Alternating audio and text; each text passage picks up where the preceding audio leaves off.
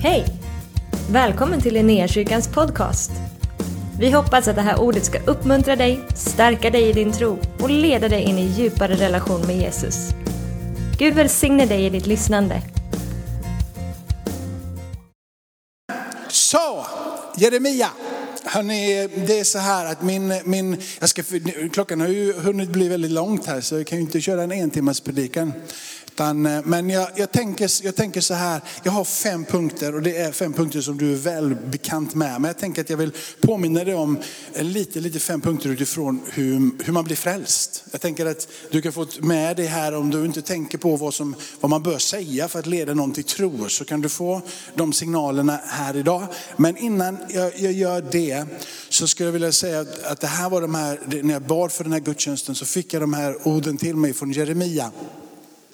Och jag skulle vilja säga, fjärran ifrån mig så uppenbarade sig Herren för mig. Här, i, den, I den raden så ligger en djup insikt. Profeten Jeremia, han, eh, han inser att ska han förstå någonting om vem Gud är och ska vi förstå någonting om vem Gud är så är det faktiskt Herren som behöver uppenbara. Herren behöver öppna himlen så lärdomen ifrån det som utgår ifrån profeten eh, Jeremia, från den här, det är att Herren uppenbarar sig. Och jag tänker så här, han gjorde det fjärran ifrån. Det var ju inte så att han var precis jämte honom då, utan fjärran ifrån så uppenbarade sig Herren för mig. Han identifierade inte vad var det kommer ifrån, men att det kommer. Inte vad det kommer ifrån, utan att det kommer. Och när det kommer till honom så händer någonting. Och det som händer är att det som Herren uppenbarade för mig, det som Herren lärde mig genom en uppenbarelse är med evig kärlek har jag älskat dig. Därför låter jag min nåd förbliva över dig. Den evig kärlek har jag älskat dig.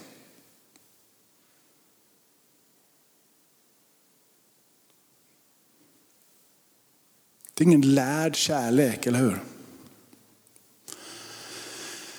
Gud är kärlek. Benjamin har redan läst den texten idag. Men det är en plattform för dig och mig att stanna upp och att leva livet ifrån. Det är grunden. Och så sen från den här plattformen att det finns en evig kärlek och jag vill uppenbara den för dig. Jag vill visa den för dig. Jag vill att du ska förstå den. Nästan som att han vill att du ska ha paketen framför dig och veckla upp paketen. Och börja liksom ta lager och lager på den här paketen och sen så är det nästa och sen där i så ligger den där eviga kärleken. Han vill visa den för dig. Han tar tag i dig, han ruskar om dig och han säger det här är plattformen som jag vill att du ska stå. Och från den plattformen att jag älskar dig så låter jag min nåd bli kvar över dig. Det är inte nåden som gör att du får kärlek. Utan det är här att han från början har älskat dig, kallat dig, utvalt dig. Att innan du ens visste vem man var så älskade han dig. Till och med så säger skriften att när vi var hans fiender så älskade han dig och mig. Plattformen är att han har så mycket kärlek så att hans nåd, om du känner att jag har gått vilse, jag vet inte om Gud älskar mig längre, jag vet inte om Gud vill ha med mig att göra.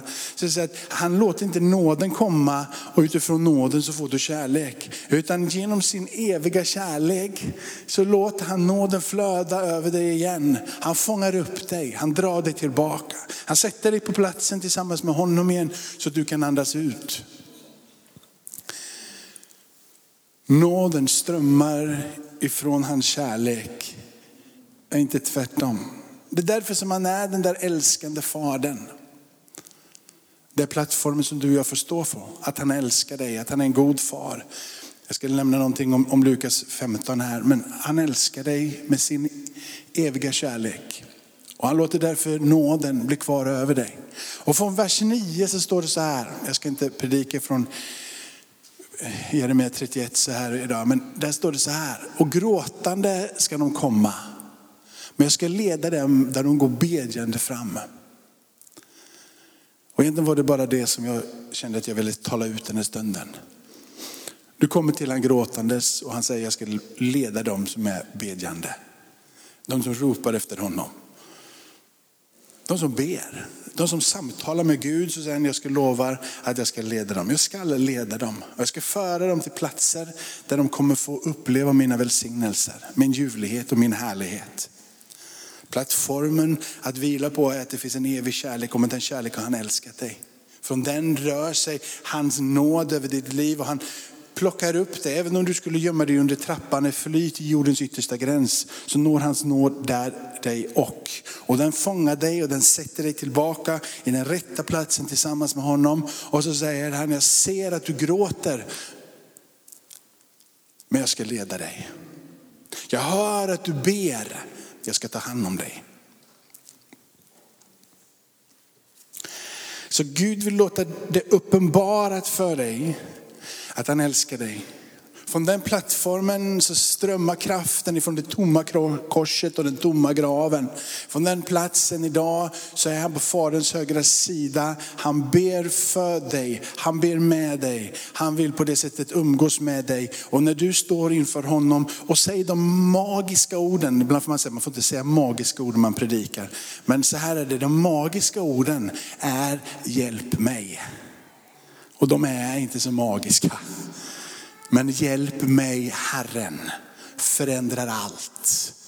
Hjälp mig Herren. När du gråtande faller ner och får uttrycka innersta djupet på din innersta sida här inne och du ställer dig mot honom och du säger, ja Herre, här är jag. Rör vid mig, var med mig, led mig. När tårarna kommer ut ifrån din insida så lovar från, från din insida till din utsida så lovar han att leda från utsidan rakt in på din insida. Så att du i ditt hjärta kan få den där friden som övergår allt förstånd och veta var du är på väg tillsammans med honom. När Paulus ger ett uttryck för det här med bön om ett sinnes förnyelse utifrån en omvändelse som på det sättet får vara det gråtande andetaget ifrån Paulus. Så pratar han om att vi där när vi ber och när vi förvandlas i närheten utav honom förvandlar våra sinnelag. Så våra sinnelag förändras så att vi kan urskilja vad som är rätt och vad som är fel och förstå hans goda vilja och vandra vidare på den vägen. Inte i uppror emot honom utan i samklang med honom. Amen. Så när du vill vittna och när du vill tala om vem Gud är, fem punkter. Och du får alla punkter på fem och samma gång så att jag kan hoppa emellan dem och predika lite som jag vill här i några minuter. Att leda någon till Jesus, och jag vill bara säga om du inte är här och du inte är frälst, så är det här rörelsemönstret. Det är att du ställer dig på platsen och bara säger, om det finns någon som älskar, om det finns en evig Gud, om det finns kärlek i hans namn. Låt mig få se det, låt mig få förstå det, låt mig få bli tagen och gripen utav det. När Jesus pratar om, så säger han att Fadern älskar. Fadern älskar. När Jesus liksom ska gräva djupet och prata om att det finns bön i mitt namn. Det finns plats att komma till Gud i mitt namn och ropa till honom och vara tillsammans med honom. Och när han undervisar om bön i Johannes 16 så talar Jesus själv han som har kommit ifrån himmelen, tagit sin boning mitt ibland att han som vandrade här, han som dog, han som uppstod. Han säger att Fadern själv älskar er i kapitel 16. Fadern själv älskar er. Det är hälsningen ifrån han som har uppstått, att Fadern själv älskar dig. Och när du berättar om det här, så berätta om hur du har upplevt det. För det är väldigt få som har upplevt Jesus och blivit frälsta som inte nämner att de har upplevt en kärlek som de inte innan har sett som de inte innan har mött, som de inte innan har upplevt. Utan när de får möta med Jesus så är det som om att det kommer en kärleksflod över dig. Och det är det som du inte innan ville krama, vill du helt plötsligt krama. Det som du innan tyckte var lite, lite frånstötande är inte längre så frånstötande. Du vill omfamna det. Det finns någonting på din insida som gör att du blir kärleksfull och att folk runt omkring upplever det. När Jesus pratar om det så säger han, till exempel när han pratar med Nikodemus i kapitel 3 i Johannes, så pratar han om att ty så älskade Gud världen att han sände sin enda son. Så när Jesus adresserar så säger han att Gud älskar, därför sände han. Och Fadern själv älskar er. Och det är det som Jeremia får uppenbarat för sig, långt ifrån. Och du tänker, hur ska jag lära mig att förstå det här? Hur ska jag kunna komma till platsen och ta Jesu ord till mig? Bli en bedjare som Jeremia. Bli en som söker Guds ansikte som Jeremia. Bli en som stannar av i livet och ropar till Gud, om du kunde uppenbara det för Jeremia, uppenbara det också för mig. Låt det få bli en verklighet på min insida. Inte bara en lärdom och förståelse för att det står i evangelium och för att alla kristna säger det. Utan på platsen av tillbedjan, på platsen av överlåtelse, på platsen där du går fram bedjande, ropa till Herren och säg uppenbara för mig din eviga kärlek. Så att jag förstår hur stor och god du är och hur mycket nåd som strömmar ifrån den platsen över mitt liv. Jesus säger det och därför finns det möjlighet att kunna be till Gud och få det, inte förklarat bara i ditt huvud, utan planterat på insidan utav ditt hjärta.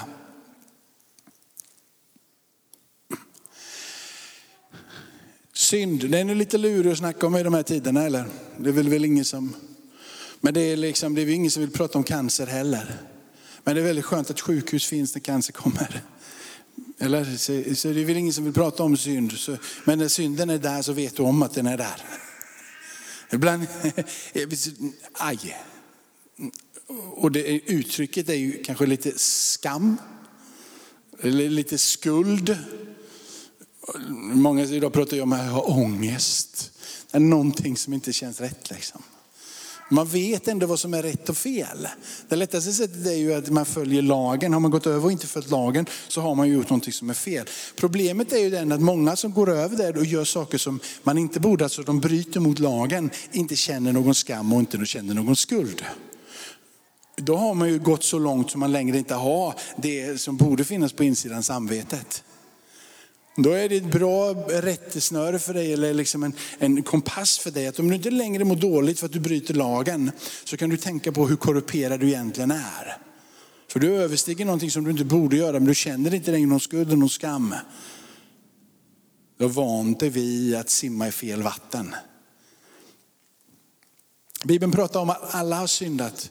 Och Bibeln pratar om att det finns ett uppror i mänskligheten. Men Bibeln pratar också om att han älskar syndaren. Bibeln pratar om att det finns någonting där som gör att vi hela tiden motsträvigt går emot det som är Guds kärlek och det som är Guds goda vilja för oss. Vi kan liksom inte hejda oss i att vara i uppror emot Gud.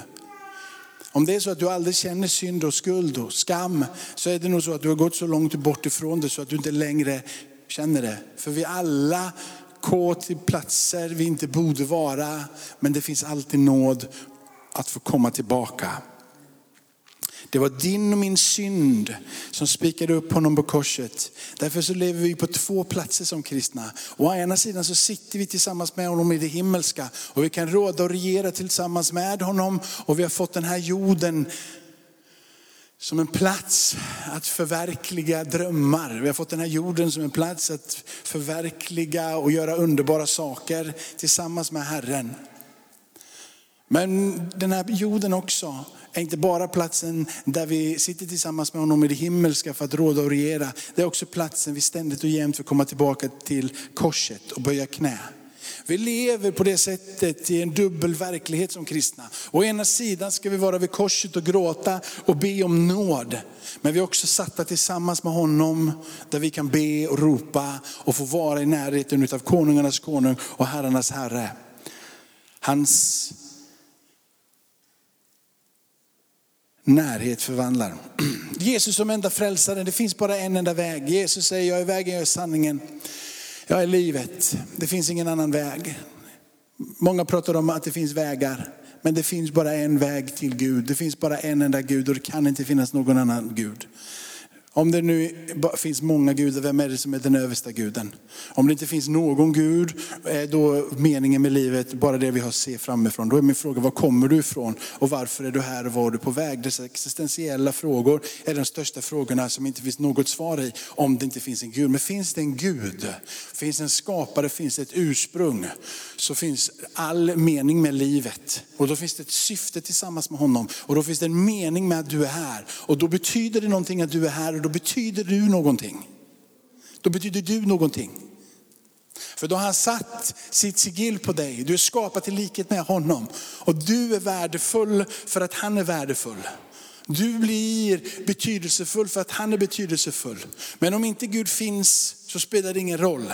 Men om Gud finns så säger Gud själv att han är den enda vägen till honom, sonen som han sände. Inte någon filosofi, inte alla, alla andra religioner. Och Jesus kan inte vara en bland många. Han är unik eller så är han ingenting alls. Gud bevisade sin kärlek till dig och mig genom att han sände sin son och genom att han dog och att han uppstod. Så hur kommer du när du har pratat om det här till dina vänner och du sitter här idag, hur tar du det till platsen vidare? Då är det någonting som händer. När Petrus, de andra i apostlagärningarna talar om det här, så är det någonting som händer i deras hjärtan som de samtalar med. Det är någonting som sker hos dem. De frågar, vad hela världen ska vi göra? Det är som att när man pratar om kärleken och det finns ett vittnesbörd som backar upp det. När man pratar om att jag har haft synd och jag har gått vilse och att det finns synd så är det som om att det adresserar någonting i åhöraren, den som du samtalar med. Och när det har funnits en kärleksgrund i det du säger och synden kommer fram och du börjar tala om att Jesus är botemedlet för detta så kommer de att ställa frågan, vad gör jag då? Och då så säger apostlagärningarna till exempel kapitel 3 direkt efter att Johannes och Petrus har rest upp den lame. Silver och guld har jag inte, men vad jag har det ger jag dig. I Jesu Kristi Nazarens namn, res dig upp och gå. Och när det här har skett och de står där och får förklara vad det är som har hänt. Vi har inte gjort detta, vi är inga magiker, vi kan inte göra det här i oss själva. Men en sak säger jag er, om ni vill ta emot det som vi har pratat om, så ångra er och låt er döpas. Ångra er. Att det finns en genuin ånger på din insida. Du kanske inte vet det än. Jag vet inte hur ångerfull Gabriel var när han gick in där i Pingstkyrkan i Örebro. Men när de hade bett med honom så lovade jag att han ville nog inte gå tillbaka till det som var innan. För han hade upplevt någonting som gjorde att han ville gå vidare och framåt. Någonting hade hänt på hans insida. Den där ången, var finns den? Och hur adresserar vi den och hur, hur ropar vi efter den? Du gör fel Thomas, vänd om. Det händer inte. Thomas kommer bara säga att Jakob du är lika rutten du. Eller hur? Det är ju så det fungerar. Vänd om, du gör fel. Fungerar inte. Men när du adresserar vem Jesus är, när du adresserar att det finns någonting av en synd, av en skuld, av en skam, hur du väljer att adressera och prata om det. Och att det finns en kärlek ifrån Gud som man vill låta komma över dig. Och du säger, jag vill ha det där. Det finns ett stygn i hjärtat och du ropar så kommer Guds ande över dig. Hur tar man emot Jesus? Det är så lätt så att, så att eh, vem som helst kan göra det. Du behöver nämligen inget diplom och du behöver ingenting. Du behöver bara ett hjärta som säger Jesus kom. Jesus jag vill ha med dig att göra. Till alla de som tog emot Jesus som Guds son gav han rätten att bli Guds barn. Om du därför med din mun bekänner och i ditt hjärta tror. Hjärtats tro leder till rättfärdiggörelse, munnens bekännelse leder till frälsning. Gud förvandlar dig på ett enda nu när det finns ett ånger och när det finns ett bekännande. Någon ber för dig, kanske inte ens ber för dig. När han som upplevde hela i ryggen i, i, i tisdags när vi bad, han, vi hann inte ens lägga händerna på honom. Vi bara talade ut, vi ska be för dig sen och när vi ber för dig sen så, kommer du bli, så, ska, vi, så ska du bli helad. Och, och när vi ber för dig så ska du bli andedöpt. Under tiden som vi bad för han som blev andedöpt, och vi kan säga så här, vi bad inte en minut och så slutade vi. Vi var en, jag tror att vi började om fyra, fem gånger och bad för honom. Vi höll på, höll på, höll på till och med så vi började bli svettiga ska Gud göra någonting idag? Sen så börjar folk bara skratta helt plötsligt. Så, och då, man får ju liksom ibland hålla, hålla på till det bryter igenom. Det är, ju, det är en andlig verklighet vi pratar om. Inte bara en, liksom en fysisk realitet. För det andliga rör sig in och rör sig och möter dig och mig här i denna fysiska världen. Men du och jag bemästrar inte det annat än med våra överlåtna hjärtan. Vi vänder oss till han och han rör sig emot oss. Han möter med dig och mig och han förvandlas. Så du ropar i din bön, jag behöver dig. Gud, jag behöver dig, hjälp mig. Du erkänner att du är en syndare i din bön och säger Gud, jag erkänner att jag har gått mina egna vägar, jag vill ha med dig att göra. Och jag vill inte bara ha med dig att göra, utan jag vill ha dig som frälsare och jag vill ha dig som Herre. Jag vill ha dig som Herre. Jag vill ha dig som Herre. Du vill helt enkelt kapitulera. Du vill inte ta bara emot befrielse från det onda, utan du vill också kapitulera in för att följa det som är gott. Du vill inte bara säga att jag blir befriad från mörker, utan du ställer dig på platsen och bara säger jag böjer mig för ditt ljus, jag böjer mig för din godhet, jag böjer mig för allting som du är, allting som du säger, allting som du vill låta bli lagt på min insida. Jag vill ha med det att göra. Jag igenkänner dig som konungarnas konung och herrarnas herre. Jag vill vara en lärjunge till den högste kapitulerar inför honom. Så du säger Jesus, jag behöver dig. Jesus, jag inser att jag har gått mina egna vägar och jag vill ha dig som frälsare och jag vill ha dig som Herre. Och när du har sagt de orden så är det någon som kommer tala till dig och säga, vad hindrar från att du blir döpt? Vad hindrar från att du säger, jag lägger mitt gamla bakom, jag ställer mig upp och jag vandrar tillsammans med dig. Så här står det, sista bibelversen. Så här står det i första Johannes brev kapitel 5 och vers 11 till 15. Och detta är vittnesbördet. Gud har gett oss ett evigt liv och det livet är i hans son.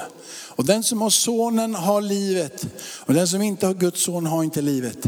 Och detta skriver jag till er för att ni ska veta att ni har evigt liv, ni som tror på Guds sons namn. Och den tillit har vi till honom, att om vi ber om något efter hans vilja så hör han oss. Och om vi vet att han hör oss vad vi än ber om, då vet vi också att vi redan har det som vi har bett honom om. Och detta är vittnesbördet, att Gud har gett oss evigt liv. Och det livet är hans son. Och den som har sonen har livet.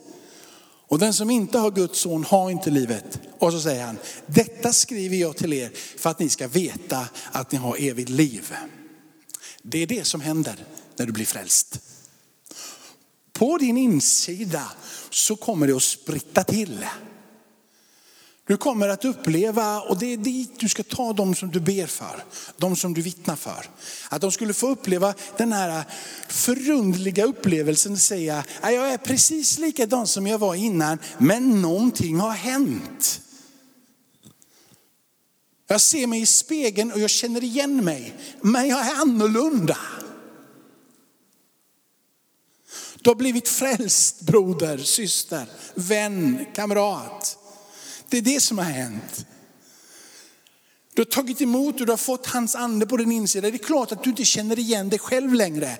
Helt plötsligt så är det ju Jesus i dina ögon. Helt plötsligt så har du fått liv på insidan som du inte innan hade. Helt plötsligt så har du fått en dimension över dig som inte längre är begränsad bara till det som finns runt omkring dig. Och han säger, jag vet vem jag tillhör. Jag är frälst, jag tillhör honom. Helt plötsligt så vågar du och tillsammans med Johannes säga att jag vet att han hör mig när jag ber. För på min insida så sprudlar ett liv som är långt mycket större än det som jag bara ser framför mig. Jag var en gång, men nu är jag annorlunda. Innan så såg jag, men nu ser jag. Innan så lyssnade jag, men nu hör jag. Innan så hade det blivit förklarat för mig, men nu är det uppenbarat för mig. Innan så visste jag vad jag pratade om. Nu helt plötsligt har jag fått en insikt. Jag har fått klart omdöme.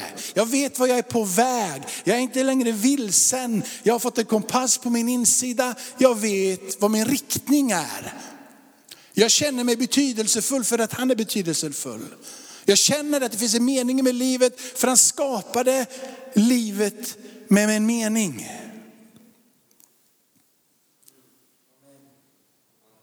När det ringer på din insida och du vet att du har det eviga livet på din insida så kommer du också säga, jag vet att han hör mig vad jag än ber om. Men börja inte med att säga, jag vet att han hör mig allt jag ber om. För där blir det en kamp.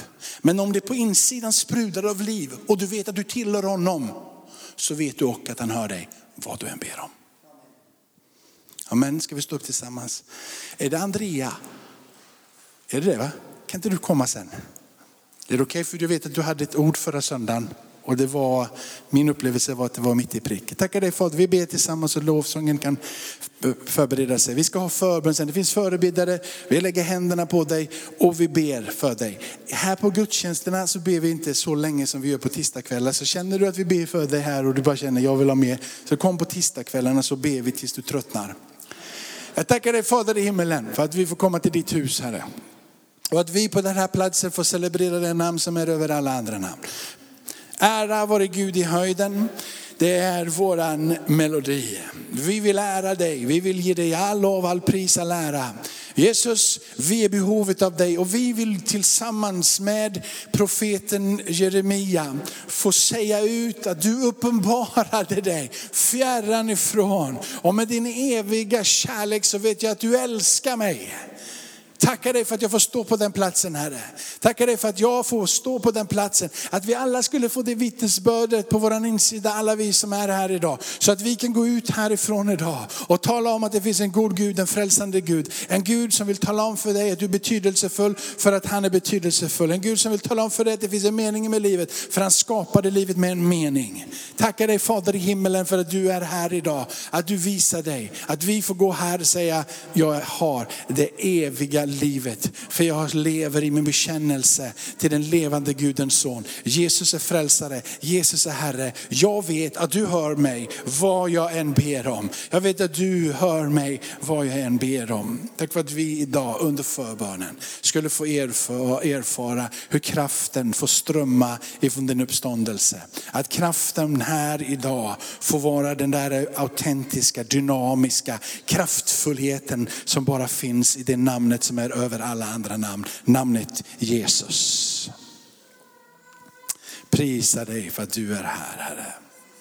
Tack för att du är här. Heligande, tack för att du är här. Tack för att du har varit med oss. Hoppas du känner dig inspirerad av Guds ord och har fått nya perspektiv. Hör gärna av dig till oss och berätta om Gud har rört vid dig på något sätt. Vi är så glada att få höra vittnesbörd om vad Gud gör. Du kan mejla oss på adressen info och dit kan du även mejla om du har ett böneämne som du önskar att vi ber för. Eller om du har tagit emot Jesus och inte har någon bibel så vill vi mer än gärna skicka en bibel till dig. Skicka ett mejl med ditt namn och dina adressuppgifter till info så ser vi till att du får en. Om du vill ge en gåva till Linnéakyrkans arbete för att nå fler människor med evangelium så kan du swisha till 123 520 0993. Du kan också besöka oss på linneakyrkan.se för att få mer information. Välkommen tillbaka att lyssna snart igen.